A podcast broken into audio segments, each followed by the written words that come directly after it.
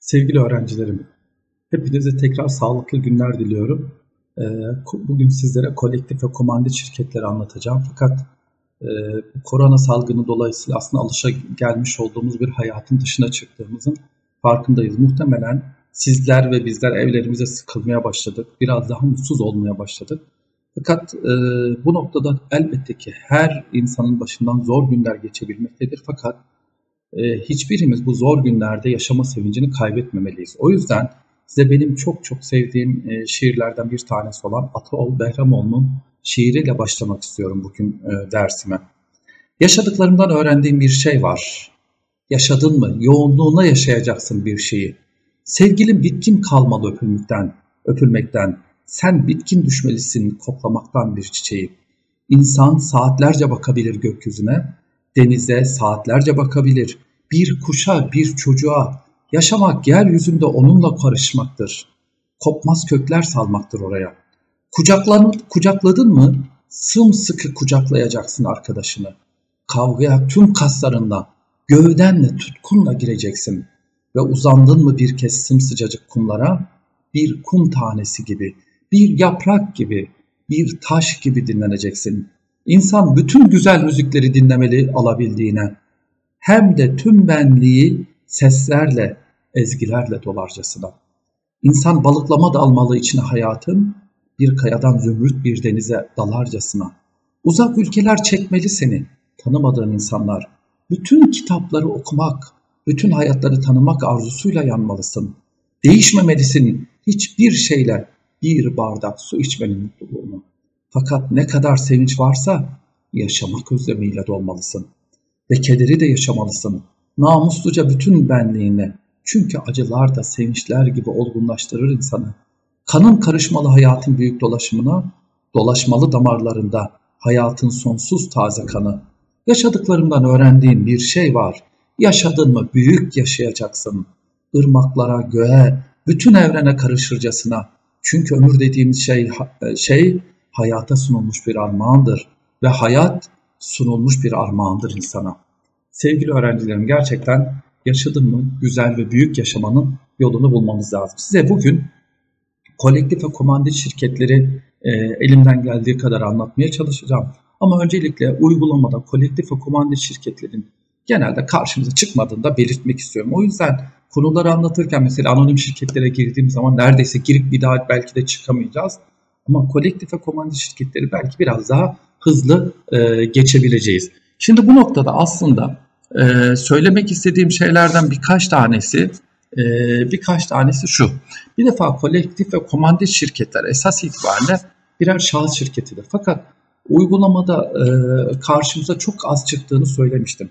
Ben e, bu dersleri hazırlanırken e, Ticaret Bakanlığı'nın sayfasına da girdim. Mesela geçen yıl itibariyle sadece bir tane e, komandit şirketin kurulduğuna e, şahit oldum. Bu da aslında bize bu şirket türünün ne kadar seyrek ya da ne kadar nadir çıktığını ne yapmaktadır göstermektedir. Dolayısıyla ben önce kolektif şirketleri anlatacağım sonra komandit şirketleri anlatacağım size. Şimdi kolektif ve komandit şirketler, adi şirketleri hatırlayacak olursanız şöyle bir benzetme yapmıştım. Adeta bütün dünyadaki şirketlerin belki de ilk prototipidir. Hatta tek hücreli canlıdır demiştim kolektif ve komandit şirketlerde çok dikkat edin. Kanundaki sırada adeta böyledir. Adeta adi şirketten kolektif şirkete, kolektif şirketten komandit şirkete adeta basamak basamak çıkarak şirket türünü kanun koyucu ya da insanlık da bu şirket türünü e, geliştirerek devam etmektedir.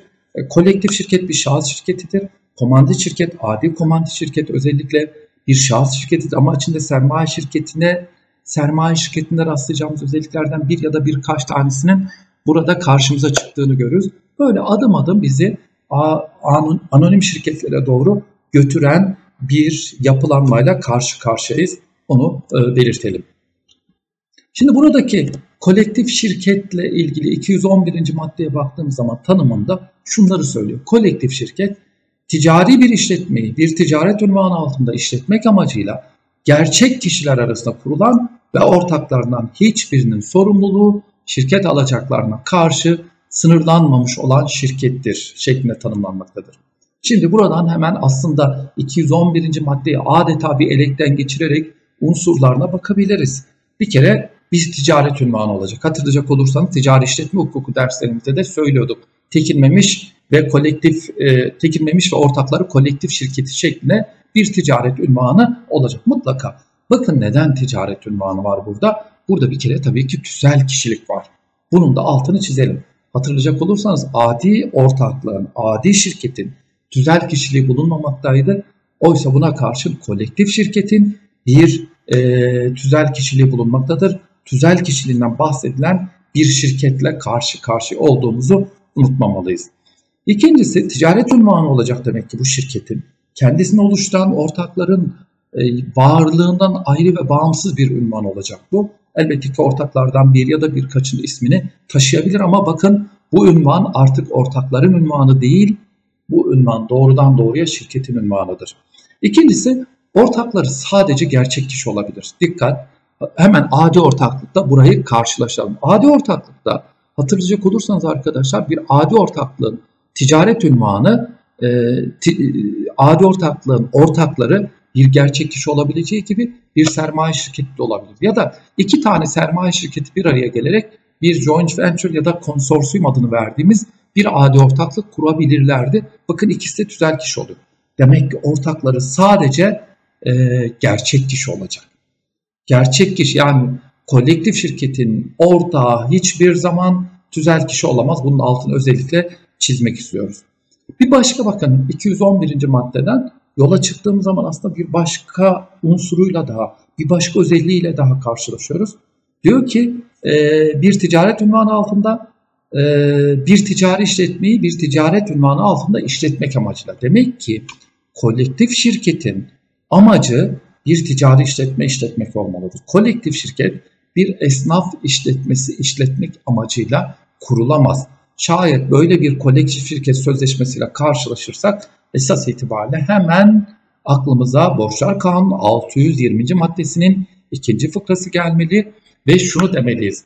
Burada demek ki kanunda belirlenen unsurların bazılarını taşımadığı için kurmuş olduğumuz ya da yapmış olduğumuz bu sözleşme bir kolektif şirketin e, varlığına, vücut bulmasına meydan vermez.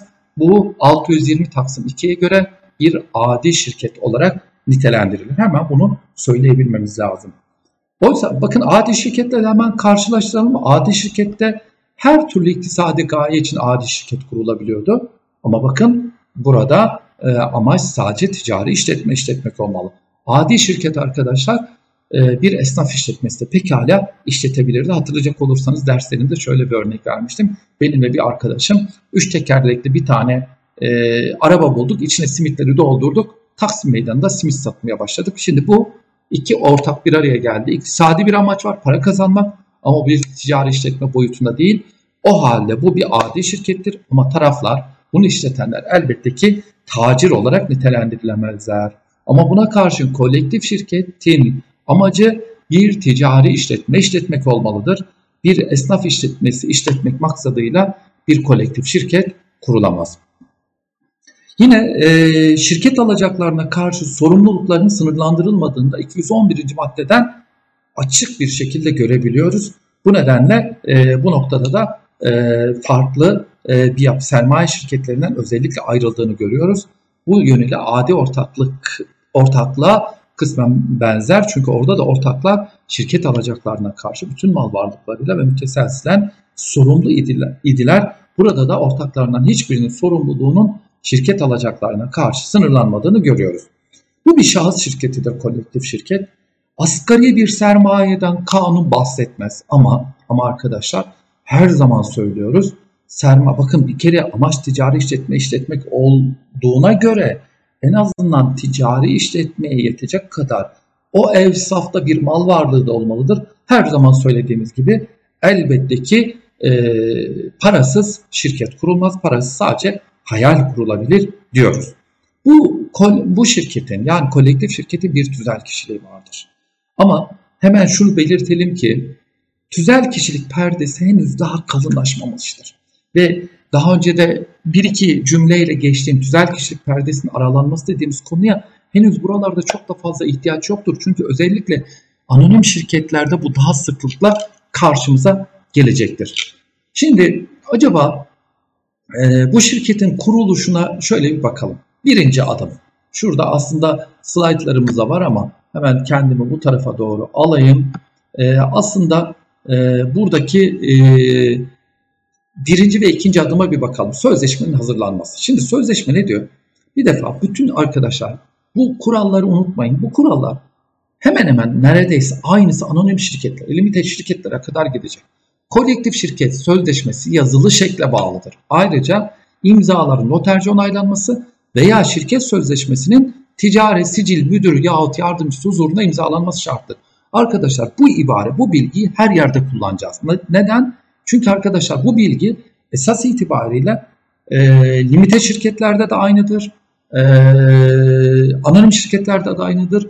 Komandit şirketlerde de aynıdır. Yani ben öncelikle şirket sözleşmesini yazılı olarak yapmam gerekiyor. Altındaki imzaları ya notere onaylatacağım ya da şirket sözleşmesini ticari sicil müdürü yahut yardımcısının huzurunda imzalayacağım.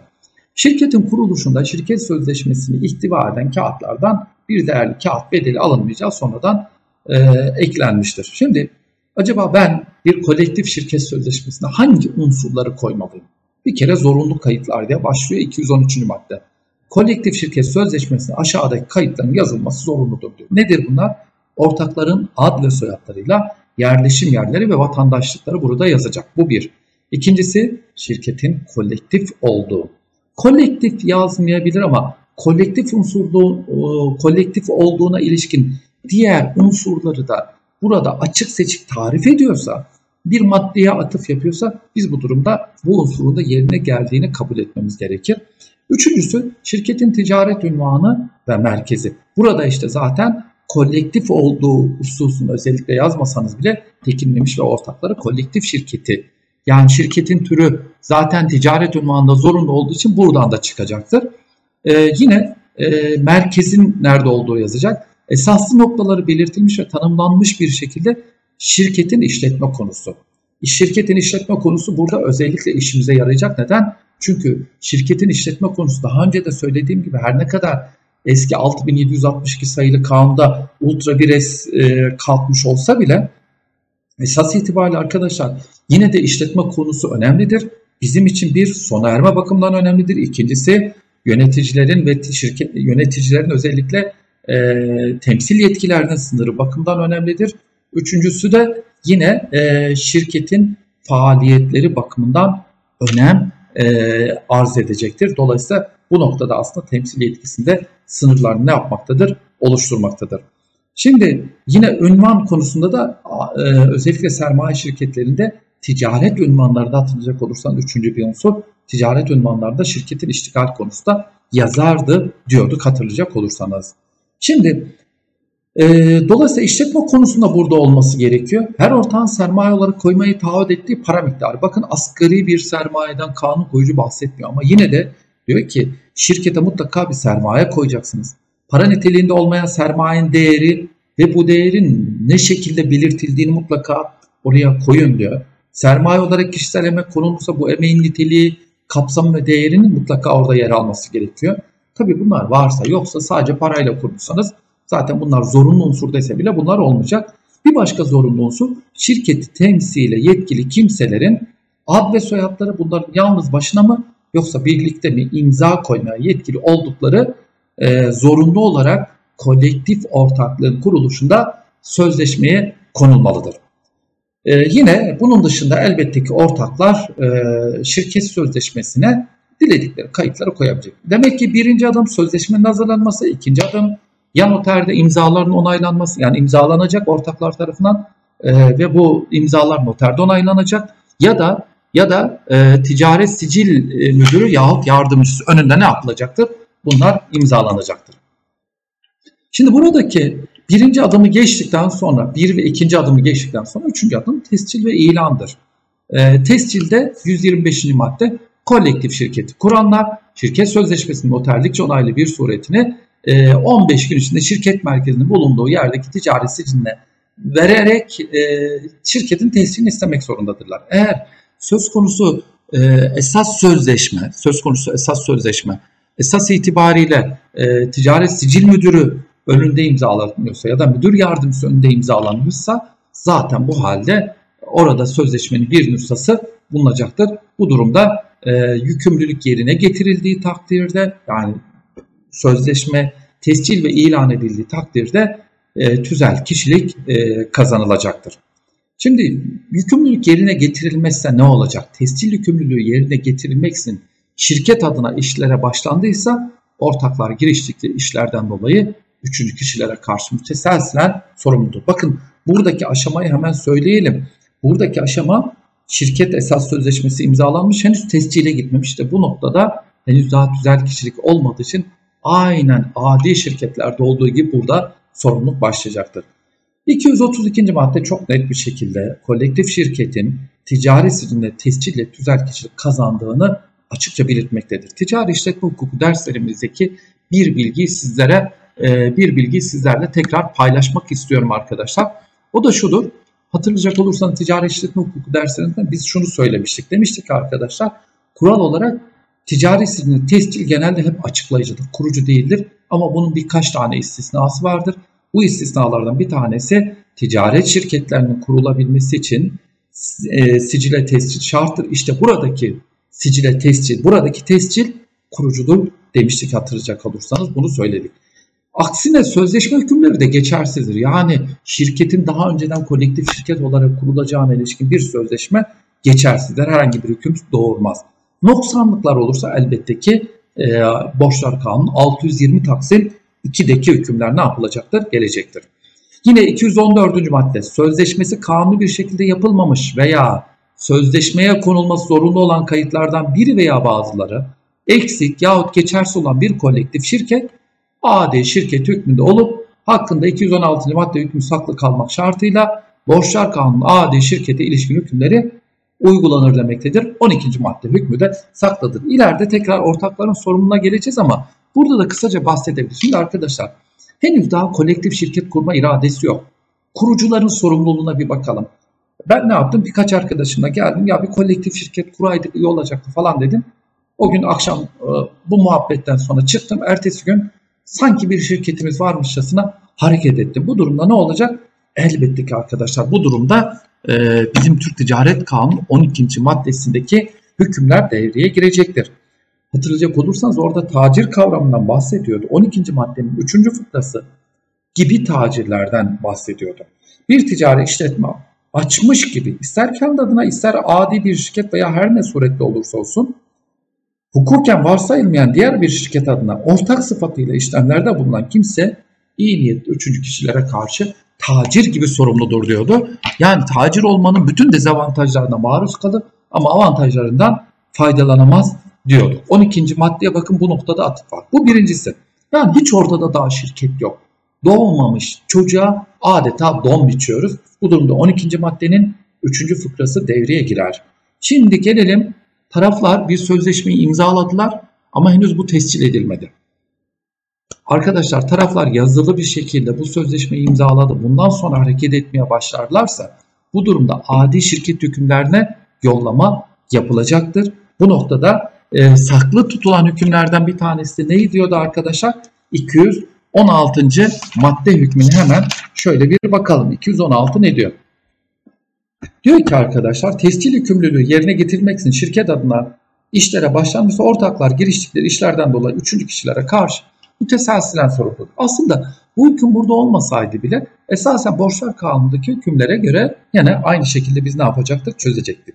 Bir kolektif şirket sözleşmesi yapılmaksızın şirketin türünü gösterir bir kaydı içermese bile ortak bir ünvan altında üçüncü kişilere işlem yapılması ve onlar onlara karşı haksız bir fiil işlenmesi halinde de aynı hüküm geçerlidir. Bakın bir kolektif şirket sözleşmesi yapılmaksızın taraflar kendi aralarında anlaşarak bunu da yapıyor. Ya bakın bir sözleşme yazılı bir sözleşme olmasa bile bunu yapıyorlarsa yine e, 216. madde hükmüne göre müteselsine ne yapacaklardır? Sorumlu olacaklardır. Çünkü birinci fıkraya e, atıf e, yapılmaktadır. Dolayısıyla şirketi ne yaptık? Kurduk. Şimdi arkadaşlar bu şirketi biraz da yönetim. Şimdi kurduk bir şirketi, şirket faaliyet gösterecek. Bunu nasıl yapıyorduk arkadaşlar? Şirketin faaliyetini yöneticiler eliyle yapıyorduk. Hatırlayacak olursanız adi ortaklıklarda adi ortaklıklar ortaklık tipinin daha ilk türü olduğu için, ilkel tipi olduğu için e, esas sözleşmede yöneticileri gösterebilirlerdi. Ya da ortaklar bir araya gelerek yönetimi belirleyebilirlerdi. Hatırlayacak olursan belirlemedilerse herkes yöneticiydi. Biz buna ne diyorduk? Özden organ diyorduk. Özden kendiliğinden bütün ortaklar yönetici diyorduk. Şimdi bakın 218. E, maddeye bakalım. Bakın adi ortaklıklardaki bilgilerimizi de hem bu vesileyle tazelemiş oluruz. Ne diyor? Ortaklardan her biri ayrı ayrı şirket yönetme hakkını ve görevine haizdir. Ancak şirket sözleşmesiyle veya ortakların çoğunluğunun kararıyla yönetim işleri ortaklardan birine birkaçına veya tümüne verilebilir. Şimdi bakın burada da aslında 218. maddenin ibaresinin daha doğrusu ifadesi Borçlar Kanunu'ndaki adi şirketin yönetime ilişkin ifadeleriyle karşılaştığı zaman daha zayıf, daha kötü ifade edilmiştir.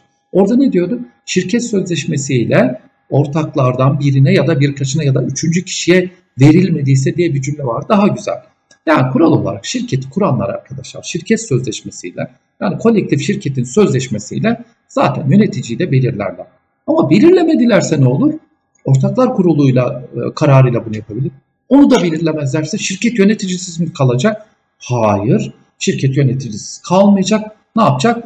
Ee, herkes yönetici olacak. Her ortak yönetici olacak. Ticari meseleleri ve diğer ticari vekillere ilişkin hükümler saklıdır diyor 218. maddede. Şimdi yönetim yetkisi şirketin bütün yapılması gereken olağan işlerini kapsar arkadaşlar. Yönetim yetkisinin hatırlayacak olursanız burada da e, adi ortaklığa e, hükmün adi ortaklığa çok benzediğini görüyoruz. Orada da hatırlayacak olursanız ne diyorduk? Diyorduk ki e, yönetim yetkisi şirketin mutat işlerini, olağan işlerini kapsar. Yani şirket ne için kurulmuştur? Ya da o günkü ticari faaliyet için ne gerekiyordur? Yönetim yetkisi zaten bütün bunlar için ne yapılacaktır?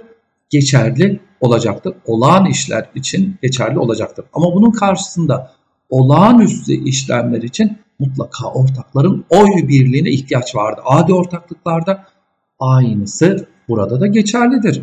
Olağanüstü işlemlerde arkadaşlar bütün ortakların oy birliğiyle bu işleri yapmasına ihtiyaç vardır. Olağan işler şirketin mutat işleridir. Günlük yapılması gereken işlemleridir. Ya da şirketin faaliyet konuları içindedir. Mesela kural olarak taşınmazın alınması, satılması, ondan sonra taşınmazın kiralanması gibi işlemler kural olarak olağanüstü işlemdir. Ama bir gayrimenkul alım satım için kurulmuş olan bir kolektif şirkette bu günlük işlemdir. Dolayısıyla yönetici bunları da ne yapabilecektir? Yapabilecektir. Bu nedenle arkadaşlar olağan ya da olağanüstü işlem kolektif şirketin e, esas sözleşmesine, ortak kolektif şirketin sözleşmesine göre, kolektif şirketin işleyişine göre tayin edilecektir. Yönetimin kapsamında bakın çok 223. madde ne diyor? Şirketin yönetimi kapsamındaki hususta şirketin amacını ve konusunu elde etmek için yapılması gereken olağan işlem ve işler ile sınırlıdır. Şirketi yönetenler şirket menfaatine uygun gördükleri işlerde olağan işlem ve işlerle sınırlı olmak şartıyla sulh, feragat ve kabul ile tahkime de yetkilidir. Yani gündelik işlem yapıyoruz. Adamdan aldım domatesleri. Ya adamla uzlaşmazlığa girdik. Kaç liradan getirdiydin götürdüydün. Şu miktarda diyorum ki ya tamam 300 lira değil de 310 lira veririm tamam anlaşalım. Bu şekildeki ya da dava aşamasındaki e, kabul, sulh ya da tahkim gibi konularda da eğer olağan işlerle ilgiliyse bunlar da geçerlidir. Fakat bağışta bulunmak, kefil olmak, üçüncü kişiliğine garanti vermek, ticari mümessil tayin etmek ve şirket konusuna girmiyorsa taşınmazları satmak, satın almak, teminat göstermek, şirketin özüne ilişkin üretim araçlarını elden çıkarmak, rehnetmek veya ticari işletme rehni gibi olağan iş ve işlemler dışında kalan hususlarda ortakların oy birliğine ihtiyaç vardır. Bu saydıklarımın hepsi olağanüstü işlemlerdir. Ortakların oy birliğine ihtiyaç vardır. Yöneticiler, şirketi yönetenler asla bu konuda tek başlarına karar e, veremezler. Bu noktada arkadaşlar e, özellikle bunu belirtmemiz gerekir. Şimdi adi ortaklıklarda hatırlayacak olursanız ya herkes yönetici ya da birden fazla yönetici varsa ne oluyordu? Aslında oradaki bilgilerinize bakın ticaret kanuna birazcık nakledilmiş kısmı olduğunu söyleyebilirim. Yönetim işlerinde yalnız başına veya birlikte hareket 221. maddenin başlığı. Veya birden fazla yönetici varsa şirket işlerinin yönetimi ortakların tümüne veya birkaçına verilmişse bunların her biri yalnız başına yönetim hak ve yetkisini haizdir demektedir. Bununla beraber şirketi yönetmekle yükümlü ortaklardan bazısı yapılacak bir şirketi işin şirketin menfaatine uygun olmadığını ileri sürerse yönetim hak ve görevini haiz diğer ortaklar çoğunluk kararıyla o iş yapabilir. Yani yöneticilerden bir tanesi bir iş yapıyordu. Adi ortaklıkta hatırlayacak olursanız ne diyorduk? İtiraz hakkı diyorduk. Benzer bir hakkımız var bakın burada. Dolayısıyla aslında kural olarak her yönetici her türlü işlemi yapabilir. Ama bu noktada ortaklardan diğer yönetici ortaklar da e, bu işleme itiraz ederek işlemi ne yapabilirler? Pekala durdurabilirler. Ama bunun için bir şartımız vardı. Birinci şart itiraz eden adamın da yönetici olması. İkinci şart neydi arkadaşlar? Henüz daha üçüncü kişilerle icra aşaması, daha doğrusu sözleşmenin icra aşamasına geçilmemiş olması gerekiyordu. Artık Bağda harabul basra demiştik. Yani has, Basra harap olduktan sonra itiraz etsek ne yazar, itiraz etmesek ne yazar?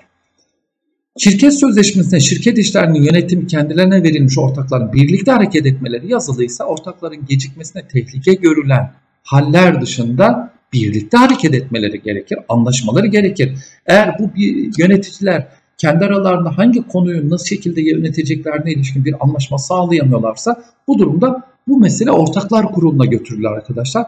Ve kurul bunun hakkında karar verir. Oy çokluğuyla karar verecektir. Şimdi yönetim, kolektif ortaklıkta da yönetici ortak ve yönetici olmayan ortak şeklinde iki tane ayrım var. Mesela dedik ki eğer hiçbir yönetici seçilmediyse hepsi yönetici zaten bir problem yok ama şirket sözleşmesi ya da ortaklar kararıyla bir yönetici atanmış ve diğerleri de yönetici vasfına sahip değilse bu durumda ne olacak? Bu durumda diğer ortakların itirazını 222. madde açık bir şekilde düzenlemiş. Bakın itiraz etme hakkına, itiraz ederek bir yöneticinin işlemini durdurma hakkına sahip olan sadece ve sadece yöneticidir. Diğer ortaklar buna itiraz ederek durduramazlar. 222 bakın bunun altını çizer. Yönetim şirket sözleşmesiyle bir ortağa verilmişse bu ortak diğer ortaklar itiraz etseler ve karşı çıksalar bile sadece hileye dayalı olmamak şartıyla şirketin yönetimi için gereken bütün işlemleri yapabilir. Kimseye de sormaz. Onların itiraz etmeleri de herhangi bir hüküm ve sonuç doğurmaz ve ne yapmaz? Aynı zamanda e, işlemi de durdurmaz. Şimdi yöneticileri nasıl atıyorduk arkadaşlar? Yöneticileri bir şirket sözleşmesiyle atıyorduk. iki ortaklar kurulu kararıyla atıyorduk. Ya da arkadaşlar herkes yöneticiydi. Şimdi bu durumda e, adi ortaklıklardaki benzer düzenlemeler yöneticilere aldık atacağız. Yani nasıl atı alabileceğiz? Hatırlayacak olursanız orada da bunları söylemiştim. Bir yöneticiyi e, ne şekilde atadığımızın e, önemi vardır. Şahıs şirketlerinde çok çok önemi vardır. Hatta orada şöyle demiştim. İdare hukukundaki kurallara atıf yaparak yetkide ve usulde paralellik ilke istediğimiz ilke burada da geçerlidir. Bakın 219. madde ne diyor? Yönetim işleri şirket sözleşmesiyle bir ortağa verilmiş ise onun yönetim hak ve görevi diğer ortaklar tarafından sınırlandırılamayacağı gibi kendisi görevden de alınamaz. Neden? Çünkü şirket sözleşmesi var. Ancak, ancak hatırlayacak olursanız adi ortaklıklarda da aynen bu şekildeydi. Ancak haklı sebeplerin varlığında ortaklardan birinin üzerine mahkeme kararıyla yönetim hak ve görevi sınırlandırılabilir veya geri alınabilir. Orada ise mahkeme kararına gerek yoktu farkı buydu. Görevin yerine getirilmesine basiretsizlik, ağır ihmal veya yönetimde iktidarsızlık gibi haller haklı sebep sayılacaktır. Yani adam işleri artık savsaklamaya başladı. Ee, ondan sonra gerçekten bir hastalığa maruz kaldı. Bu hastalık nedeniyle artık şirket yönetimi bunlar haklı sebeplerdir. Peki ortaklar kararıyla atandıysa Yönetim işleri şirket sözleşmesi yapıldıktan sonra alınan bir kararla bir ortağa verilmişse o ortak ortakların çoğunluğuyla yine görevden alınabilir. Çoğunluk elde edilemediği takdirde yönetim işlerine bakan ortağın şirket sözleşmesini ihlal ettiği veya olayda haklı sebep bulunduğu iddiasıyla her ortak ilgili yönetici ortağın görevden alınması için mahkemeye başvurabilir. Dolayısıyla bunları bu şekilde rahatlıkla e, bakın ortaklar kuru, e, kararıyla atıyorsak bu noktada yöneticiyi görevden almak da son derece e, kolaydır. Şimdi ortaklığın temsiline ilişkin bir düzenlemeye değinmemiz lazım. Eski kanundan 6762 sayılı kanundan farklı olarak e, 213. maddenin birinci fıkrasına göre temsilcilerin esas sözleşmede, or, özür diliyorum ortaklık sözleşmesinde gösterilmesi zorunludur. Açık bir şekilde ve bunların yetkilerinin, temsil yetkilerinin ne şekilde sınırlandığı da burada yazmalıdır. Şimdi işte bakın temsile ilişkin zorunlu bir kayıt mutlaka orada olacak. Yani şirketi kim temsil edecek? Elbette ki yöneticilere de temsil yetkisi verebilirsin ama vermeyebilirsiniz de. 233 şunu söylüyor. Şirketi temsile yetkili olan kimse şirketin işletmesi konusuna giren her türlü işi ve hukuk işlemleri şirket adına yapmak ve şirketin ünvanı kullanmak yetkisine sahiptir. Bu yetkiyi sınırlayan her şart iyi niyetli üçüncü kişilere karşı ileri sürülemez. Ancak şirket sözleşmesinin tescil ve ilanı gerekli hükümlerine göre şirketin bağlanabilmesi için birlikte imza şart kılınmışsa bu şart üçüncü kişilere karşı da geçerlidir. Ticari işletme hukuku derslerinde arkadaşlar sizleri geri götüreyim. Ticari işletme hukuku derslerinde açık seçik bir şekilde biz temsil yetkisini ne şekilde sınırlandırabiliyorduk? Birlikte temsil ve şube işleriyle aynı sınırlandırmalar burada da geçerli olacaktır. Birlikte imza ya da e, şube işleriyle sınırlandırma burada ne yapılacaktır? Geçerli olacaktır. Bunun dışındaki sınırlandırmaların ise e, geçerli olmayacağını açık bir şekilde belirtebiliriz. Şirketi temsil yetkisine haiz olan kimseler tarafından açık veya zımni olarak şirket adına yapılmış olan işlemlerden dolayı şirket alacaklı ve borçlu olur. Çünkü temsil yetkisiyle bağlar.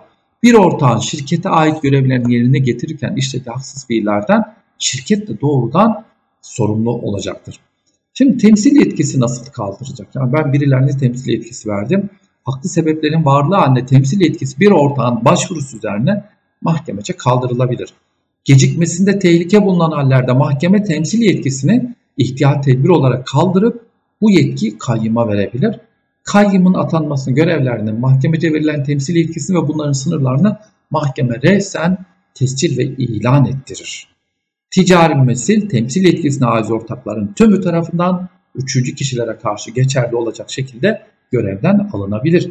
Özellikle bir ticari temsilci atadıysak bunların görevden alınabilmesi ancak e, oy birliğiyle mümkündür. Gecikmesine sakınca olan hallerde ve haklı sebeplerin varlığı hallerinde de e, ne yapılır? Mahkemeye gidilebilir. Mahkeme bunların görevlerini, yetkilerini kaldırabilecektir. Şimdi bakın yöneticilerin yapmış olduğu işlemler var. Bir de e, ortaklar kararı var. Şimdi arkadaşlar e, kolektif ortaklıklarda e, anonim şirketlerde ileride göreceğimiz gibi bir genel kurul dediğimiz bir organ bulunmamaktadır ama burada da ortaklar kararına sık sık atıf yapılır. Yani bir ortaklar kurulu var. İsmi konulmamış ama ortakların bir araya gelerek karar vermeleri gerekmektedir. İşte bu kararlarda e, neler e, ortaklar ka, ortaklar kararının hangi hususta bırakılmıştır? Bir kere bunu 223'e birden çok net bir şekilde anlayabiliyoruz. Ne diyoruz? Diyoruz ki 223'e birde e, olağanüstü işlemleri yapmak bir kere ortakların oy birliğiyle alacağı kararlara bağlanmıştır.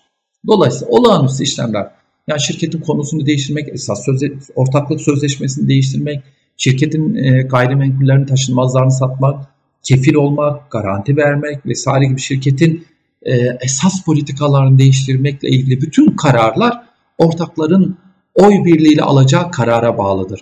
Ama bazı kararlar arkadaşlar oy çokluğu da, da alınabilir. Hemen az önce anlattığım e, konudan mesela yöneticinin eğer yöneticiler göreve ortaklar kararıyla ata, al, atanmış ise bunların elbette görevden alınması arkadaşlar ortaklar kararının e, kararıyla olacaktır. Buradaki e, oy çokluğuyla karar alınacaktır.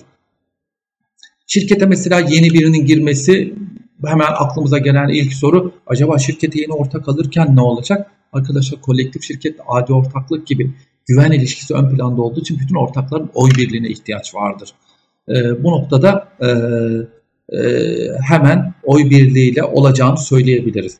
Mesela demin söylemiştik aynen adi ortaklıklardaki bir ortağın bir yöneticinin kararına diğer yöneticinin itiraz edebilmesi gibi burada da bir itiraz hakkı vardı. Bir yönetici diğer yöneticinin işlemine itiraz ederek durdurabiliyordu. Bir fren mekanizması kurulmuştu. Burada da bir fren mekanizması var. Peki bu fren mekanizması arkadaşlar nasıl çalışacak? İtiraz etti, işlem durdu.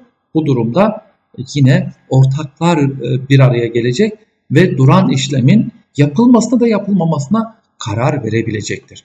Bu noktada e, ortaklar kararı da önemli olmaktadır. Bakın şirketin yönetimine de etki etmektedir. Şimdi oy hakkı ve kararlarla ilgili aslında birkaç şeye de hemen söyleyelim. 226. maddede düzenlenmiş. Her ortak bir oy hakkını haizdir ve buna aykırı e, sözleşme şartları geçersizdir. Yani ben kolektif ortağa istersen 1 milyon lira vereyim 10 lira veren ortak hangi oy hakkına sahipse ben de oy hakkına sahibim. Yani her ortak bir oy hakkına sahiptir. Bir kelle bir oydur. Kelle oy hesabı kelle başına yapılacaktır.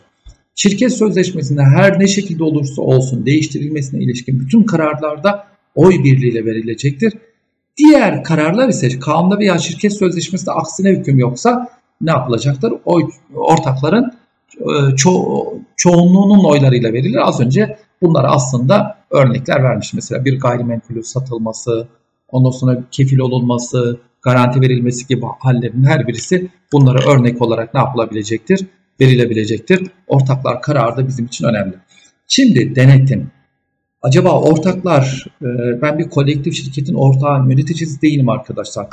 Acaba ben ortağıyım, Acaba ben e, ortak olarak şirketin işlerini denetleyebilecek miyim? Soru sorabilecek miyim? İş, e, devam ederken işler bunları e, kurcalayabilecek miyim? Bunlar hakkında bilgi edinebilecek miyim? Arkadaşlar adi ortaklıkta bir cümle sarf etmiştim.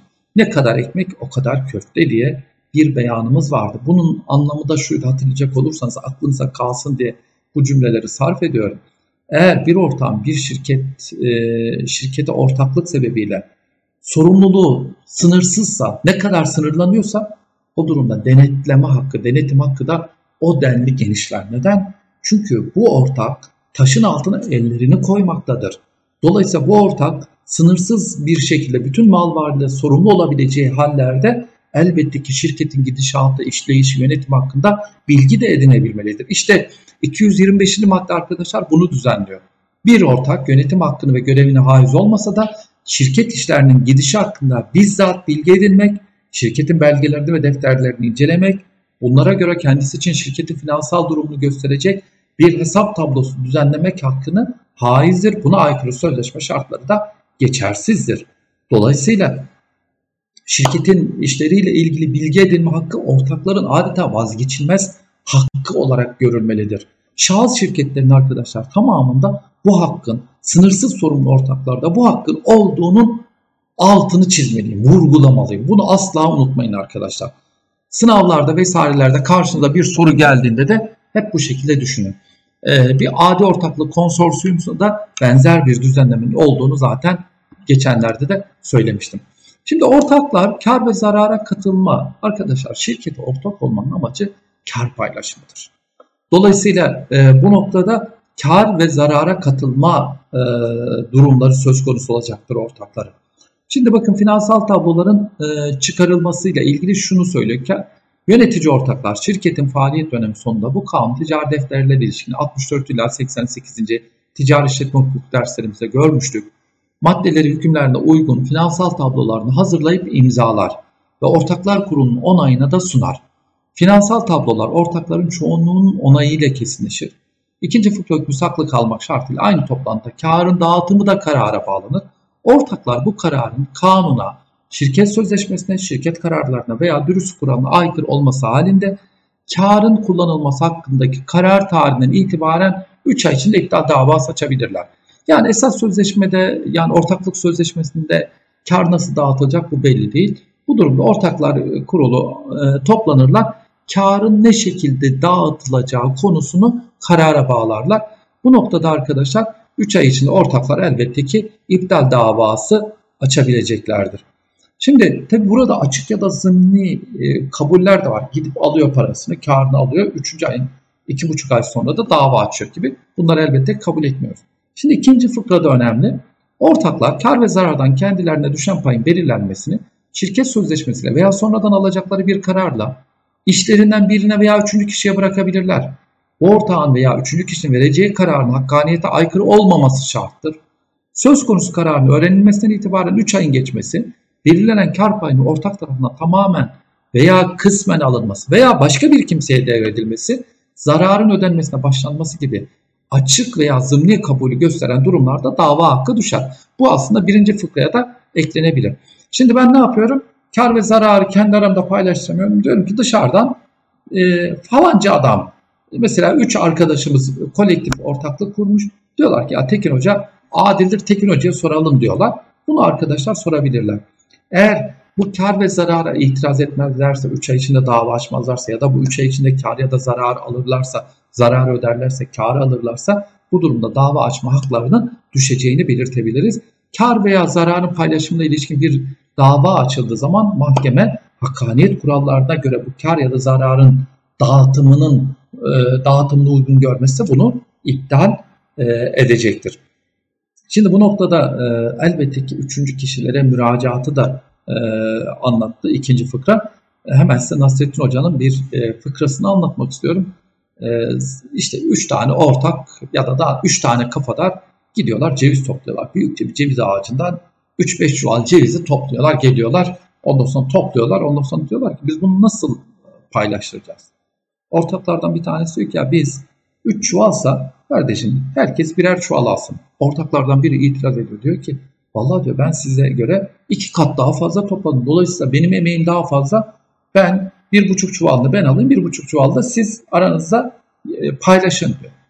Çok almak istiyor. Neyse bunlar yok olurdun sen az topladıydın ben az topladım çok topladım vesaire kavga etmeye başlıyorlar.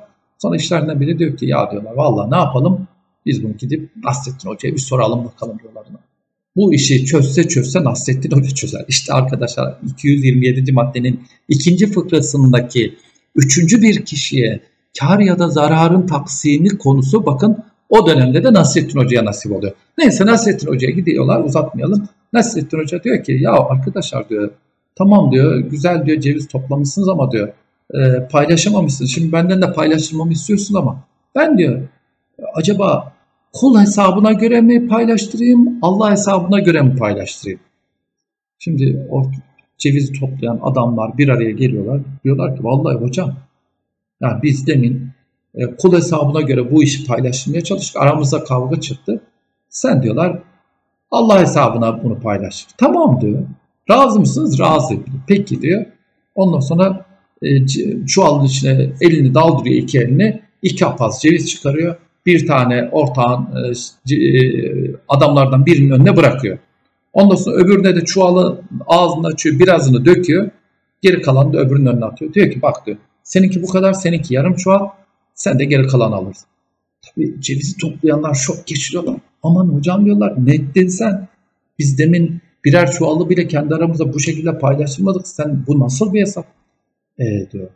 allah Teala'nın Cenab-ı Zülcelal'in işi böyledir diyor. Bazılarına az verir, bazılarına çok verir, bazılarına da diyor hiç vermez. Şimdi bunun gibi aslında esas itibariyle biz ortaklık tarafına geldiğimiz zaman kural olarak e, bu dağıtımın hakkaniyetli olması lazım. Bakın eşit olması anlamına gelmiyor. Hakkaniyete uygun bir dağıtımın yapılması gerekiyor.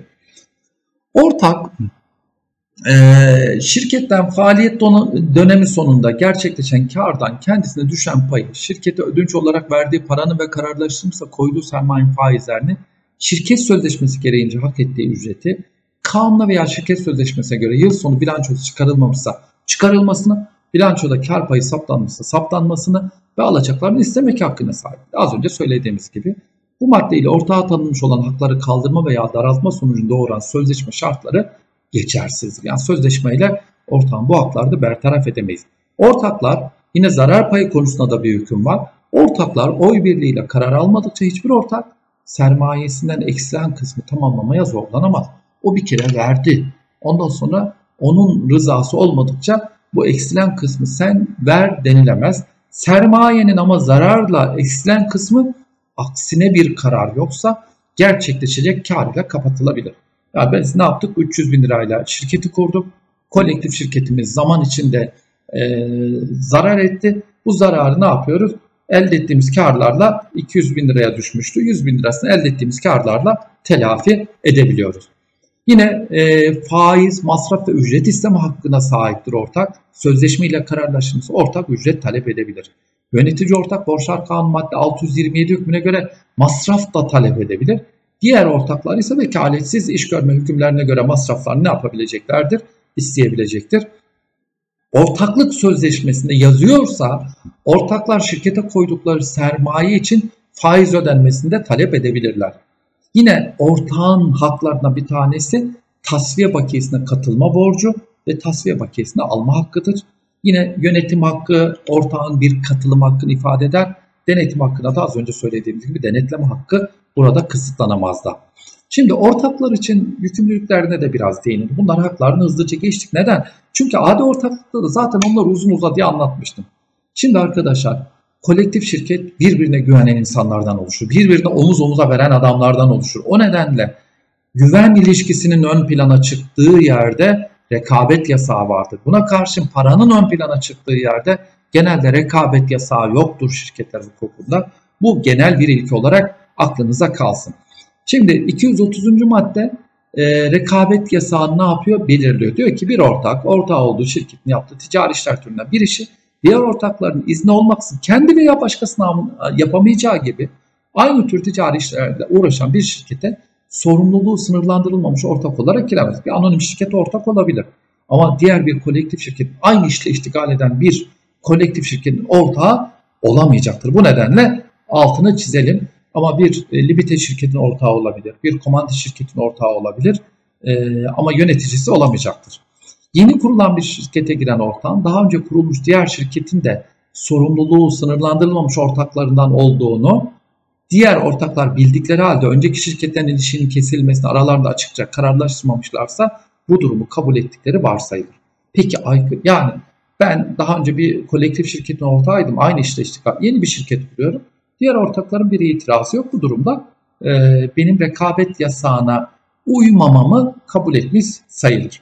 Peki rekabet yasağına aykırı hareket edilirse ne olacak? Rekabet yasağına aykırı hareket edilirse 231. madde bakın arkadaşlar bu da e, şirketler e, ticari işletme hukuku dersinde buna da hatırlayacak olursanız bir temas etmiştik. Ticari işletme hukukunda belirttiğimiz gibi rekabet yasağına aykırı hareket etmenin genelde 3 tane klasik sonucu karşımıza gelir. Şimdi e, eğer 230'a aykırı davranırsa ortaktan tazminat istenebilir. Ya da tazminat yerine bu ortağın kendi adına yaptığı işleri şirket adına yapılmış saymaya, saymayı isteyebilir. Yani ben ne yaptım? Kendi adıma e, bizim kolektif şirket kömür satıyor. Ben gittim çok ciddi anlamda büyük bir ihaleyi bağladım kömür satacağım. Bu durumda bizim şirket diyor ki Tekin Hoca'nın bağladığı sözleşmeyi bizim şirket yapmış sayısın. Bakın Birincisi tazminattı. ikincisi bu. Üçüncüsü, üçüncü kişi saymakta. Üçüncü kişilerin hesabına yapmış olduğu işlerden doğan menfaatlerin şirkete bırakılması ya da bundan kaynaklanan menfaatlerin şirkete bırakılmasını isteyebileceklerdir. Bakın tazminat isteyebiliyor. E, bu şirketin, e, bu kimsenin yapmış olduğu işlemlerin, sözleşmelerin şirket adına yapılmasını isteyebiliyor. Kendi ya da başkası adına yapılmış işlemlerden kaynaklanan menfaatlerin de e, şirkete yazılmasını isteyebiliyor. Bu seçeneklerden birine ortaklar çoğunlukla karar verir. Bu hak bir işlemin yapıldığının veya ortağın diğer bir şirkete girdiğini öğrenildiği tarihten başlayarak 3 ay ve her halde işlemin yapıldığı tarihten itibaren bir yıl sonra zaman aşımına uğrar. Ee, yukarıdaki hükümler hakları ihlal edilen ortakların şirketin feslini istemek haklarını etkilemez. Şimdi arkadaşlar rekabet yasağına aykırı bir davranan bir ortağa dava açabilmek için, dava açabilmek için mutlaka ne yapılması gerekir?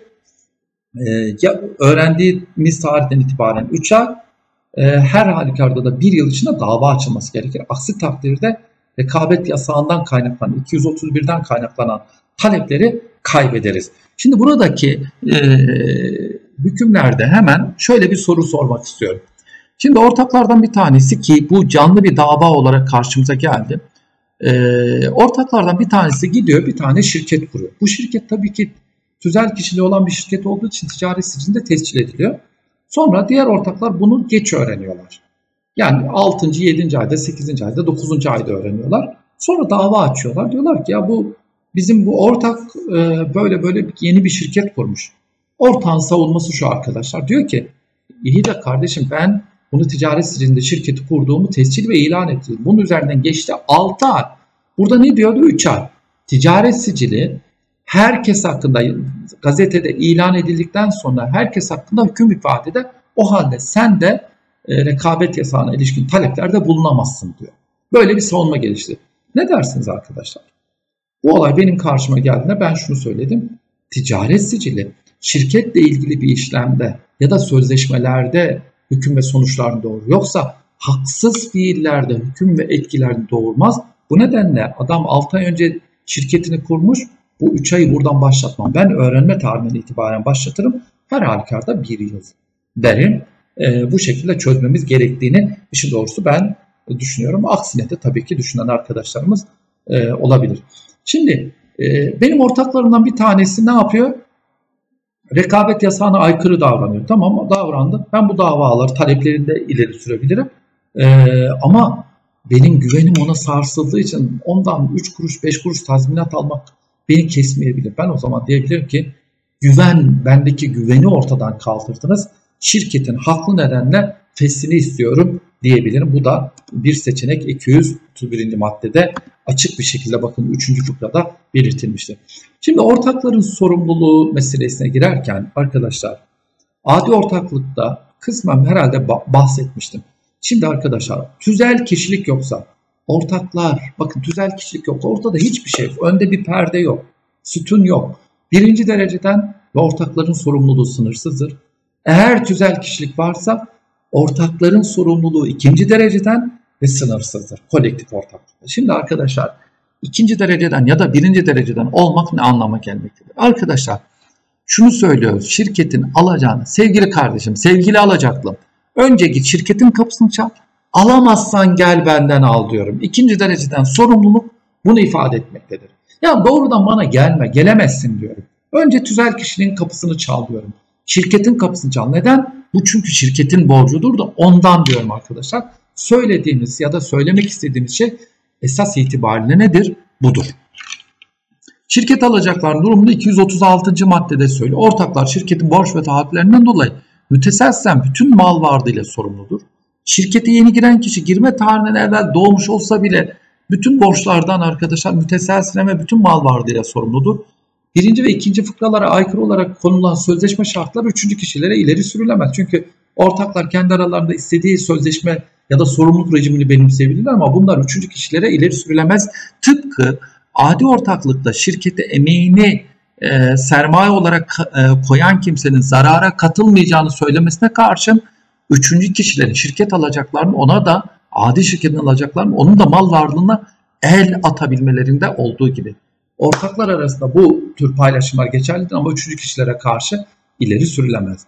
237. madde net bir şekilde diyor ki önce birinci dereceden şirket sorumlu. Ancak bakın arkadaşlar şimdi ikinci dereceden anlamı ya da e, bu sorumluluğun bertaraf edilmesi. Ancak şirkete karşı yapılan icra semeri, takibi semeresiz kalmış veya şirket herhangi bir sebeple sona ermiş. Bakın şirkete gitmişler ya da şirket sona ermiş ise yalnız ortak veya ortakla birlikte şirket aleyhine dava açılabilir veya takip yapılabilir denmektedir. Şimdi burada sona erme kavramı şirketin tüzel kişiliğinin ortadan kalkmasını mı e, gerektiriyor yoksa şirketin sona erme sebeplerinden birinin gerçekleşmesi yani tasfiye haline girmesi mi e, hangisidir şeklinde bir tartışma var. Yargıtay vermiş olduğu bir kararda diyor ki şirketin varlığının ortadan kalkması diyor ki bu benim kanaatime göre şirketin daha doğrusu ortağı korumak için daha elverişli bir düzenleme aksinin de savunulduğunu doktrinde belirtelim. Ama e, bu diğer alacakların durumunu ağırlaştırmaz mı? Hayır ağırlaşmaz çünkü sonraki gelen hükümler yani ortağın doğrudan sorumlu tutulabileceği halleri düşündüğümüz zaman ya bu bu kurala çok kolay ulaşılabilir, bu sonuca kolay ulaşılabilir diye düşünüyorum. Yukarıdaki hükümler ortakların kişisel mallarına ihtiyat haciz koymaya mani değildir. E, bu fıkra hükmünce konulmuş bulunan ihtiyat hacizler hakkında icra iflas kanununa bir gönderme yapılmaktadır. E, ee, 238. maddede mahkeme kararından bahsediyor. Diyor ki yalnız şirket aleyhine alınmış olan mahkeme kararı şirket hakkındaki takip semeresiz kalmadıkça veya şirket herhangi bir sebeple sona ermiş olmadıkça ortaklar hakkında icra edilemez. İşte gene sona erme acaba tamamen tüzel kişiliğin ortadan kalkması mı yoksa başka bir sebep mi? Şimdi benim kanaatime göre şirketin tüzel kişiliğin ortadan kalkması gerekiyor. Çünkü arkadaşlar ileride de göreceğiz. Ortaklığın tüzel kişiliği e, birçok sebeple e, tasfiye haline girebiliyor. Sona erebiliyor yani şirket. Tüzel kişiliğin olduğu şirketlerde arkadaşlar sona erme e, bir anda hani adeta elektrik düğmesine kapatmak gibi bir anda ortalığı karanlık yapmaz. Bir anda tüzel kişilik ortadan kalkmaz. Buradaki arkadaşlar sona erme amacın değişmesi anlamına gelir. Daha önce de söyledim. Şirket o güne kadar kar elde etmek için e, çalışırken o günden sonra sona erdikten sonra tasfiye amacıyla çalışır. Esas itibariyle söylemek istediğiniz bu. Dolayısıyla şirket içinde mal varlığı varsa oradan alınabilir. Ama e, burada Yargıtay'ın e, bu eski tarih vermiş olduğu bu karara katılıyorum. Bu nedenle katılıyorum. Zaten eğer şirkete bir takip yapılmış, bu semeresiz kalmışsa zaten gene şirketin sona ermesine bakılmaksızın şirket ortağa müracaat edilebilmektedir. İcra emrinin şirkete tebliğine rağmen borç ödenmediği takdirde ki sona erdiği zaman hala tüzel kişilik vardır, hala oraya icra emirleri tebliğ edilebilir. Alacaklı şirketle birlikte ortakların veya bazılarında doğrudan doğruya iflasını isteyebilecektir. Şimdi arkadaşlar sorumluluğun şartlarını şöyle bir bakalım. Sorumluluğun şartları şirkete karşı yapılan icra takibi semeresiz kalmış olacak veya şirket herhangi bir sebeple sona erecek. Bu durumda demek ki ortağın sorumluluğunu da gidilebiliyor. Yoksa bu haller yoksa arkadaşlar bakın sorum, ortağın sorumluluğuna da gidilemez. Şirketten alınmalıdır. Çünkü alacak şir, borç şirketin borcudur. O halde şirketin bunu ödemesi gerekir arkadaşlar. Yalnız şirket aleyhine alınmış olan mahkeme kararı şirket hakkında takip semeresiz kalmadıkça az önce söylediğimiz gibi şirket sona ermedikçe ortağa karşı icra edilemeyecektir. Şimdi gelelim arkadaşlar iflas meselesine. Şimdi birinci dereceden sorumluluğu anlattık ama iflas meselesini öncelikle sizi ticari işletme hukuku derslerinize götürüp e, iflasın, Türk hukukunda iflasın yerini ve konumunu azıcık anlatmak açmak istiyorum. Aslında bunu ticari işletme hukuku derslerimize gördük. Kural olarak arkadaşlar bizim hukukumuzda kim iflas yoluyla takip edilebilirdi? Bunun cevabı tacir. Tacirler sadece ve sadece tacirler iflas yoluyla takip edilebilirdi. Ancak mesela bankaların iflasına ya da sona ermesine ya da borca batmasına kusurlarıyla sebep olan yöneticiler, sigorta şirketlerinin kusurlarıyla şirketin batmasına sebep olan yöneticileri gibi bir takım olağanüstü hallerde tacir olmayan kimselerde ne yapılmaktadır arkadaşlar? İflas yoluyla takip edilebilmektedir. Dikkat hemen burada size sorum şu. Arkadaşlar kolektif şirketin tüzel kişiliği var. Bir tüzel kişilik varken onun ortakları tacir sayılabilir mi? Bu soruya elbette ki hayır diye cevap vermemiz lazım. Tüzel kişiliğin olduğu yerlerde ortaklar asla ve asla tacir sayılamazlar. Bunun altını net bir şekilde çizelim. Adi ortaklığın tüzel kişiliği olmadığı için eğer bunlar bir ticari işletme işletiyorsa bunun ortakları tacir sayılır. Ama arkadaşlar bir kolektif şirketin, bir komando şirketin, bir anonim şirketin, bir limited şirketin ortağı asla ve asla tacir sayılmaz. Bu arada yıllar önce bir tahkim davasında e, bir arkadaşımız, bir meslektaşımız şöyle bir cümle söylemişti. Başka bir alanda çalışan bir akademisyen e, tacir basiretli bir iş adamı gibi hareket etmek zorundadır diyordu. Sonra da diyor ki anonim şirketin yönetim kurulu başkanı basiretli olmalıdır, tacirdir. Tacirin basi, e, tacir gibi basiretli bir şekilde hareket etmelidir diye bir cümle kullandı. Tabii ki başka bir alanda olduğu için bu bilgileri unutmuş olabilir sevgili arkadaşlarım. Hiçbir zaman hiçbir zaman e, bir anonim şirketin yönetim kurulu başkanı, bir anonim şirketin ortağı, bir limited şirketin ortağı tacir değildir. Bu noktada arkadaşlar yıllar önce müsiyat kararında hatırlayacak olursanız müsiyadın yöneticisine bir şirketin yönetim kurulu başkanı olduğu için ondan sonra müsiyadın bilmem e, e, müsiyatta da yönetici olduğu için iflas kararı verilmişti. Biz o kararı doktrin olarak şiddetle eleştirmiştik. Hiçbir zaman tacir olmayan bir kimse hakkında açık bir kanun hükmü olmadığı sürece iflas yoluyla takip yapılamaz. Peki geldik arkadaşlar kolektif şirket ortağına. Kolektif şirket ortağı tacir değil ama bakın arkadaşlar burada şirketin e, ortağının iflas yoluyla takip edilebildiğini göreceğiz. Bakın icra şirkete tebliğine rağmen borç ödenmediği takdirde alacaklı şirketle birlikte ortakların veya bazılarında doğrudan da iflasını isteyebiliyor. Bakın bir, Şirketin iflası, şirketin iflası halinde şirket alacaklarını, alacaklarını alamadıkları, e, almadıkça ortakların kişisel alacakları şirket mallarına başvuramaz. Yani önce iflas halinde önce şirketin alacakları ortaklığın mal varlığından alırlar. Ee, yine 240. maddede şirketin iflası ortaklarının iflasını gerektirmez. Ancak depo kararına rağmen para yatırılmadığı takdirde alacaklı depo kararının ortaklara veya işlerinden bazılarına da tebliğini ve gereğini yerine getirmedikleri takdirde şirketle birlikte iflaslarına karar verilmesini mahkemeden isteyebileceklerdir. Bu hakkını kullanmamış olan alacaklıların alacaklının şirket masasından alacağını tamamen alamaması halinde de ortakları iflas yoluyla takip etmesi yine mümkündür. Yine ortakların mallarına adi takip veya iflas yoluyla başvurulursa bunların kişisel alacakları ile şirket alacakları arasında bir öncelik ya da imtiyaz meselesi, imtiyaz hakkı e, yoktur. E, yine ortaklar arkadaşlar şirketin iflası halinde ortaklar koydukları sermaye ve işlemekte olan faizler için masaya giremezler. Ancak işlemiş faizlerle ücretler ve şirket lehine yaptıkları giderler için herhangi bir alacaklı gibi masaya girebilirler. Şimdi ortağın iflas yoluyla takibinde e, dikkat kural olarak sadece ortakla tacirler iflas yoluyla takip edilebiliyordu. Ama bakın ortaklar arkadaşlar olağanüstü yollarla da iflas edebiliyorlar. Olağanüstü iflas şartları nedir? İcra emrinin şirkete tebliğine rağmen borç ödenmediği takdirde. İcra emrini şirkete gönderdik, şirket ödemedi. Ee, buna bunun takdirde hem e, şirketi hem de ortakları iflas yoluyla takip edebiliriz. İkincisi e, şirkete depo kararı verildi. Depo kararına rağmen para yatırılmadığı takdirde olağanüstü bir şekilde ortakların da iflası talep edilebilecektir. İkincisi, ikinci bir ihtimal var. Yine bakın ortakların iflasına. Zaten şirket tacir olduğu için arkadaşlar onun iflas yoluyla takip edilebilmesi hiçbir sıkıntımız yok. Burada anlattıklarımız hep ortakların iflas yoluyla takip edilmesi. Bir de takipli iflas dediğimiz olağanüstü iflas yolu yani yukarıdaki imkanları kullanmayan bir alacaklı şirket masasından alacağını tamamen alamaması halinde ortakları da iflas yoluyla takip edebilecektir. Bu da takipli iflas olarak adlandırılacaktır. Bu şekilde aslında e, şunu söyleyebiliriz. Tacir olmamasına rağmen kolektif şirketin ortakları iflas yoluyla takip edilebilecektir.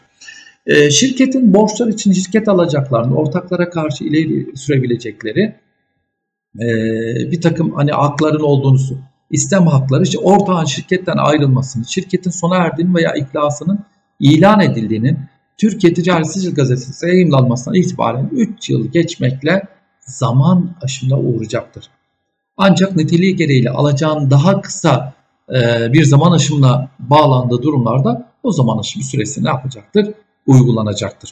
Alacak ilandan sonra muhacceli olursa zaman aşımı da e, muhacceliyet andan itibaren işlemeye başlayacaktır. Ee, özel durumlarda hani neler olacak diye 265. madde söyle hakkını elde etmek için sadece paylaşılmamış şirket mal varlığına başvuran alacaklara karşı 264. maddedeki 3 yıllık zaman aşımı süresi uygulanmaz. O çünkü tamamen şirket alacaklarının ortaklara karşı ileri sürebileceği durumlar için e, geçerlidir. Yine bir ortak şirketin ticari işletmesini devralmış. Alacaklara karşı 3 yıllık zaman aşımını ileri süremez. Burada tekrar ticari işletme hukuku derslerindeki e, ve borçlar kanunu 202. maddesindeki hükümlere geri göndereyim. Çünkü ticari işletmeyi devralıyor artık ona karşı herhangi bir şey yapılmaz. Ama buna karşı devralma sebebiyle ayrılan ortaklar hakkında borcun nakli hükümlerine göre 2 yıllık zaman aşımı uygulanır. Yine sizi borçlar kanunu 202'ye göndereyim. Oradaki bilgilerinize lütfen e, bağlantı e, kurmanızı tavsiye ederim. Zaman aşımının kesilmesiyle ilgili varlığını sürdüren şirkete veya diğer bir ortağa karşı zaman aşımının kesilmesi şirketten ayrılan ortağa karşı zaman aşımının kesilmesi sonucunu doğurmayacaktır. Çok net e, düzenlemelerimiz var. Tüzel kişiliğin başka sonuçları da var arkadaşlar. Bakın kolektif şirketin bir tüzel kişiliği var. Bu da takas. Şirkete borçlu olan kimse bu borcunu ortaklardan birinden olan alacağıyla takas edemez. Çünkü borçlu alacak burada karşılaşmıyor. Takasın olabilmesi için hatırlayacak olursanız e, karşılaşması gerekiyordu. Oysa şirkete borçlu ama ortaktan alacak. Bu karşılaşmıyor. Bakın aşağılarda bir yerde düşüyor. Karşılaşmıyor. Bir ortakta kişisel alacaklasına olan borcunu şirketin aynı kişideki bir alacağıyla takas edemeyecektir.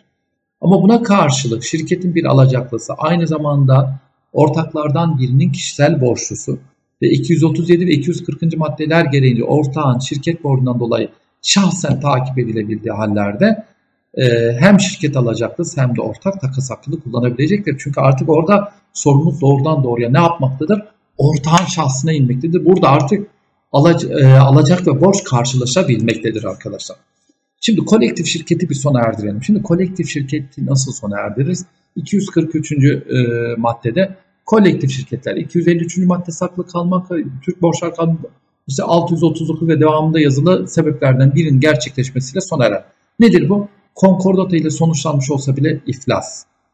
Şirket sermayesi tamamının dikkat arkadaşlar bakın kolektif şirketlerde aslında kural olarak bir asgari sermaye yok. Ama diyor ki şirket sermayesinin tamamının veya üçte ikisinin kaybedilmesine rağmen sermayenin tamamlanmasına veya geri kalanda iktifaya yetinilmeye karar verilmediği takdirde şirket sona erecektir. Şirketin bir diğer şirketle birleşmesi e, sona erdirecektir. Kanun 215. maddesinde öngörülen süre içinde veya sonra tescil ve ilan yapılmışsa arada ne kadar süre geçmiş olursa olsun ortaklardan herhangi birinin istemi üzerine ve bu ortağın noter aracılığıyla diğer ortaklara uygun bir süreyi içeren ihtar göndermiş olması şartıyla mahkemece şirketin fesline karar verir. Hani 15 gün içinde ortaklık sözleşmesi yapınca gidip ticaretine tescil ve ilan ettireceklerdi ya. İşte e, bu e, sürelerde yine buna yap, e, gidilebilecektir. 215. madde diyordu ki arkadaşlar kolektif şirket kuranlar şirket sözleşmesi noterlikçe onaylı bir suretini onay tarihinden itibaren 15 gün içinde şirket sözleşmesi bulunduğu yerdeki ticaret siciline vererek şirketin tescilini ilan ettirmek zorundadırlar diyor. İşte bu 15 gün içinde tescil ve ilan yapılmadıysa bu durumda ortaklardan biri ben bundan vazgeçiyorum diyebilir. Yine e, ortaklar 254. madde saklı tutuyor ama e, ortaklardan birinin iflasta şirketin sona ermesini beraberinde getirir. Şirket sözleşmesinde belirli bir veya birkaç sebep göstermeksizin hükümde infisat sebeplerinden herhangi birinin varlığı halinde şirketin sona ermeyeceğinin ifade edildiği genel nitelikteki hüküm geçerli olmaz. Ancak kanunun emredici hükümlerine aykırı olmamak şartıyla bazı belirli fesih sebeplerin şirketin sona erme sonucu doğurmayacağı şirket sözleşmesinde mesela kabul edilebilir. Yine haklı sebeplerle şirketin fesli de talep edilebilir. Yani bir kolektif şirket nasıl sona erdirilecektir? Bunları arkadaşlar burada söylüyorum çünkü komando şirketlerde de bunu atıf yapacağız. Haklı sebep şirketin kuruluşuna yol açan, fiili veya kişisel sebeplerin şirketin işletme konusunda elde edilmesine imkansız kılacak veya güçleştirecek şekilde ortadan kalkmış olmasıdır. Arkadaşlar bu haklı sebepler 245. Aynı zamanda anonim ortaklığın 531. maddedeki haklı sebeple feslinde de bize yol gösterecek hükümlerdir. Buradaki hükümler kanun koyucu bunları öngörür. Bunlar ne? Bir ortağın şirketin yönetim işlerinde veya hesaplarının çıkarılması şirkete ihanet etmiş olması. Küçük anonim şirketlerde ya da aile şirketlerinde de bu karşımıza gelebilir. Güvenin sarsılması. Ee, bunu arkadaşlar özellikle e, anonim ortaklıklarda da değineceğiz. Bir ortağın kendisine düşen asli görevleri ve borçları yerine getirmemesi, bir ortağın kişisel menfaatleri uğruna şirketin ticaret ünvanı veya mallarını kötüye kullanması, bir ortağın sürekli hastalık veya diğer sebeplerden dolayı üstüne aldığı şirket işlerini yapmaktan acize düşmesi de haklı sebeplerdir. Ama bunlar arkadaşlar özellikle diye altı çizildiği için tahdidi değil tadadidir. Yani sınırlayıcı değil örnek kabilinden e, sayılmıştır. Eğer tabii ki haklı sebepler şahsında doğan adam e, gidip de e, şirketin fesini dava edemez. İç Anadolu'da yine bir güzel cümle vardır ya da bizim Anadolu'nun deyimiyle hem suçlu hem güçlü tutup da yani hem e, şirket işlerini ihmal edip hem de gidip haklı nedenlerde şirketin fesli dava edilemez. Dolayısıyla bunun da altını çizelim. E, 249. maddeye göre bir ortağın kişisel alacaksız borçlunun kişisel mallarından veya e, şirketin 133. E, madde gereğince şöyle çekeyim. Şirketteki kar payından alacağını alamazsa tasfiye sonunda borçlu ortağa düşecek paya haciz koydurmaya e, veya oradaki işte e, kar e, 6 ay önce ihbarda bulunmak ve hesap yılı son için hüküm ifade etmek üzere şirketin feslini istemeye yetkilidir. Kural olarak aslında arkadaşlar bir ortağın kişisel alacaklısın öncelikle müracaat edeceği şey e, kar payıdır. Bu kar payından eğer alacağını alamıyorsa tasfiye payısına gidilmelidir. Bu durumda da tasfiye payına gidilebilmesi için şirkete ne yapılmalıdır? E, bir e, şirketin fesini istemeye yetkilidir. Ama 6 ay önceden bunu söyleyecek ve bu 6 aylık süre içinde de yıl sonunda bu işler hüküm ve sonuçlarını doğuracak. Mahkemece feshe kararı verilmeden önce şirket veya diğer ortaklar borcu öder, öderlerse fesi e, davası düşecektir. Süresiz şirketlerde, adi ortaklıklarda hatırlayacak olursanız bunları görmüştük. Süresiz bir şekilde kurulmuş bir şirkette bu bir katolik nikahı olmadığı için ortaklardan birisi de şirketin fesih ihbarında bulunabilirler. Diğer ortaklar fesi kabul etmeyerek o ortağı şirketten çıkarıp kendi aralarında ne yapabilirler? Devam edebilirler. Birinci fıkra bir ortağın kişisel alacaksınız. 248 ya da 249. maddeler gereğince itiraz veya fesih hakkını kullanması hallerinde de geçerli olacaktır. Bu takdirde şirketin devam edeceğine ilişkin karar alacaklıya tebliğ edilir ve borçlu ortak faaliyet dönemi sonunda şirketten çıkarılır. Peki iki kişilik yani biz ortaklardan bir tanesi şirketten çıkarabiliyoruz ama iki kişilik şirketlerde durum ne olacak sorusu karşımıza geliyor. Bu durumda arkadaşlar e, haklı sebeplerin varlığında mahkemeye müracaat ederek ortaklardan birini şirketten ne yapabiliyoruz? Çıkarabiliyoruz. E, az önceki söylediğimiz hususlarda. İki kişiden oluşan bir şirkette ortaklardan birinin kişisel alacaklısı 248, 49, 56 maddelere göre sahip olduğu itiraz veya fesi hakkını kullanır veya ortaklardan biri iflas ederse diğer ortak 257. maddeden yararlanacaktır. Peki 257. maddedeki arkadaşlar e, hüküm nedir? E, bunu hemen e, bakalım. 257. maddede net bir şekilde arkadaşlar şunu söylemektedir. 56, 57. Ee, yalnız iki kişiden oluşan bir kolektif şirkette ortaklardan birinin şirketten çıkarılması gerektiğine haklı sebepler varsa diğer ortağın istemi üzerine mahkeme fesih ve tasfiye karar vermeksizin şirketin bütün iş ve işlemleri, varlıkları, alacak ve borçlarıyla davacı ortağa bırakılmasına ve diğer ortağın şirketten çıkarılmasına karar verebilir. Bu halde çıkarılan ortak hakkında 262. madde hükmü uygulanır demektir. Dolayısıyla buradaki imkanlardan iki kişilik şirkette ne yapılabilecektir? Faydalanılabilecektir. Bunu da belirtmiş olalım. Ve böylece e, peki şirket sona erdi. Komandi şirkete başlamadan önce tekrar acaba şirket sona erdi ne olacak? Şirketin tüzel kişiliği arkadaşlar bir anda e, ne yapmaz? Ortadan kalkmaz.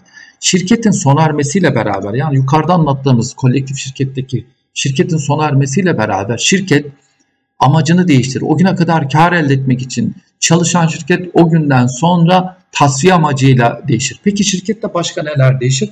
Arkadaşlar başka şunlar da değişir. Şirkette e, şirketin ticaret ünvanı da değişir. Şirketin ticaret ünvanının başına tasfiye halinde ibaresi gelir. Yani demin bir örnek vermiştim. Tekinmemiş ve ortakları kolektif şirketi demiştim. İşte ticaret ünvanının başına tasfiye halinde tekinmemiş ve ortakları kolektif şirketi olarak devam eder. Tasfiye ile beraber arkadaşlar daha doğrusu sona erme ile beraber tasfiye aşaması başlar. Tüzel kişilik hala devam ediyordur. Bu durumda arkadaşlar tasfiye memurları özel olarak atanmadıysa yönetim kurulu üyeleri tarafından gerçekleştirilir. İşte burada arkadaşlar önce dış tasfiye yani şirketin borçları ödenir, alacakları tahsil edilir. Daha sonra da iç tasfiye gündeme gelecektir. İç tasfiyede de ortada kalan tabakta bir şey kalırsa arkadaşlar kar kalırsa kar, zarar kalırsa zarar or şirket ortaklarına ne yapılacaktır? Paylaştırılacaktır.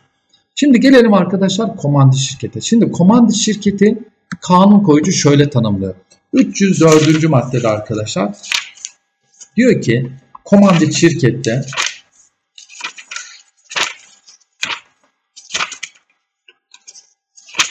304. maddede şunu söylüyor. Ticari bir işletmeyi bir ticaret ünvanı altında işletmek amacıyla kurulan şirket alacaklarına karşı ortaklardan bir veya birkaçın sorumluluğu sınırlandırılmamış ve diğer ortak veya ortakların sorumluluğunun belirli bir sermaye ile sınırlandırılmış olan şirket komandi şirkettir. Şimdi dikkat edilecek olursa bakın burada çok net bir şey aslında karşımıza çıkıyor. Burada arkadaşlar kolektif şirkette bütün ortakların sorumluluğu sınırsız iken komandit şirkette e, kolektif şirketten farklı olarak bazılarının sorumluluğu sınırsız Bazılarının sorumluluğu ise sınırlı olan bir şirket tipiyle karşılaşıyor. Bakın sermaye şirketlerinde karşımıza çıkacak olan sınırlı sorumlu ortak tipine doğru oldukça yaklaşılmaktadır. Demek ki böyle bir sorumluluk. Şimdi buradaki şeylere bakacak olursak tüzel kişiliği var arkadaşlar. Bir ticari işletme işletmek maksadıyla kuruluyor. Aynen kolektif şirketlerde olduğu gibi bir ticaret ünvanı kullanmak zorunda tekilmemiş ve ortakları komandit şirketi. Biz buna adi komandit adını da veriyoruz arkadaşlar. Çünkü sermayesi paylara bölünmüş bir komandit şirketimiz daha var. O da ileride anlatacağız. Burada arkadaşlar söylediğimiz şey adi komandit şirkettir. Adi komandit şirkette demek ki bir de ticaret ünvanı olacak. Ve bunun ayırıcı özelliği kolektif şirketten fark edilen, farklılaşan taraf arkadaşlar ortaklardan bir ya da birkaçının sorumluluğu sınırsız, bir ya da birkaçının sorumluluğu da sınırlı bir şekilde koydukları sermaye kadar sınırlı olan e, ortak türü karşımıza çıkmaktadır.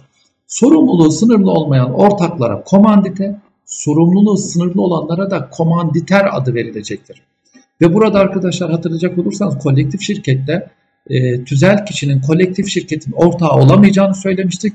Oysa burada arkadaşlar komandit şirketin tüzel kişiler ortağı olabilir. Komanditer ortak olarak girer. Sınırsız sorumlu ortak olarak giremez. Ama arkadaşlar sınırlı sorumlu ortak olarak karşımıza girecektir.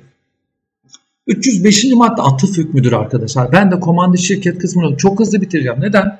Bakınız denden e, kolektif şirket diyeceğim. Sadece farklılaşan hükümleri anlatacağım. Burada arkadaşlar kural olarak özel hükümler bulunmadığı takdirde kolektif şirkete ait hükümler burada da aynı şekilde uygulanacaktır. Şimdi e, bu noktada arkadaşlar bir yorum ilkesi var 306'da. Şirketin komandit olup olmadığı sözleşme hükümlerine göre belirlenir. Ortaklar tarafından şirkete verilen ad ve nitelik o şirketin türünün belirlenmesinde yalnızca yeterli olmaz.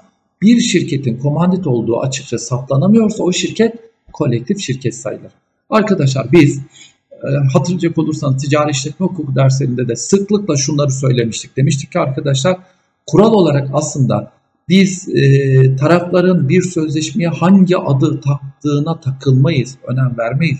Bizim için sözleşmenin adı değil, tadı önemlidir. İşte burada da arkadaşlar net bir şekilde biz diyoruz ki ortakların ortaklık sözleşmesindeki iradelerine bakarız.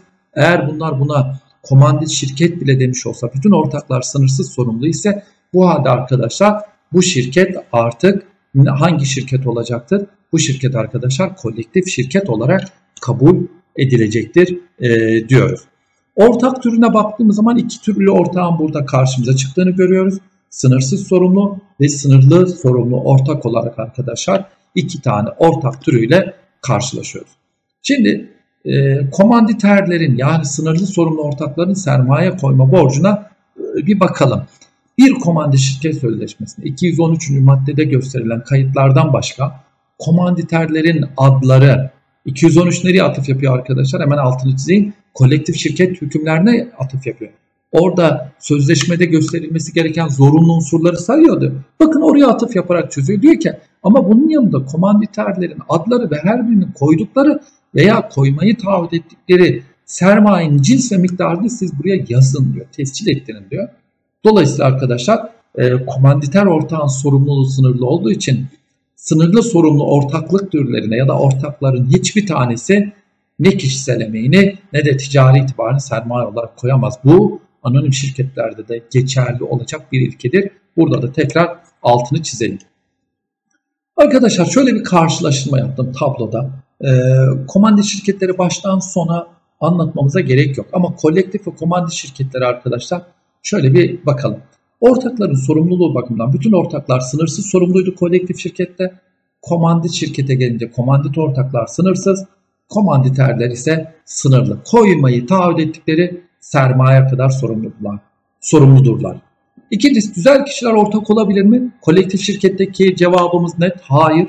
Ama komandit şirketlerde olabilirler ama komanditer ortak olabilirler. Kolektif şirketlerde yönetici sıfatı arkadaşlar kime tanınmıştı?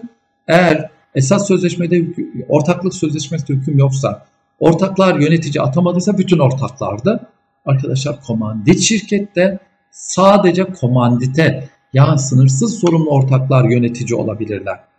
Yine rekabet yasağına ilişkin arkadaşlar düzenlemelere bakalım. Ortakların tamamı kolektif şirketlerde rekabet yasağına tabi iken e, burada arkadaşlar sadece komanditer ortak için geçerli e, değildir.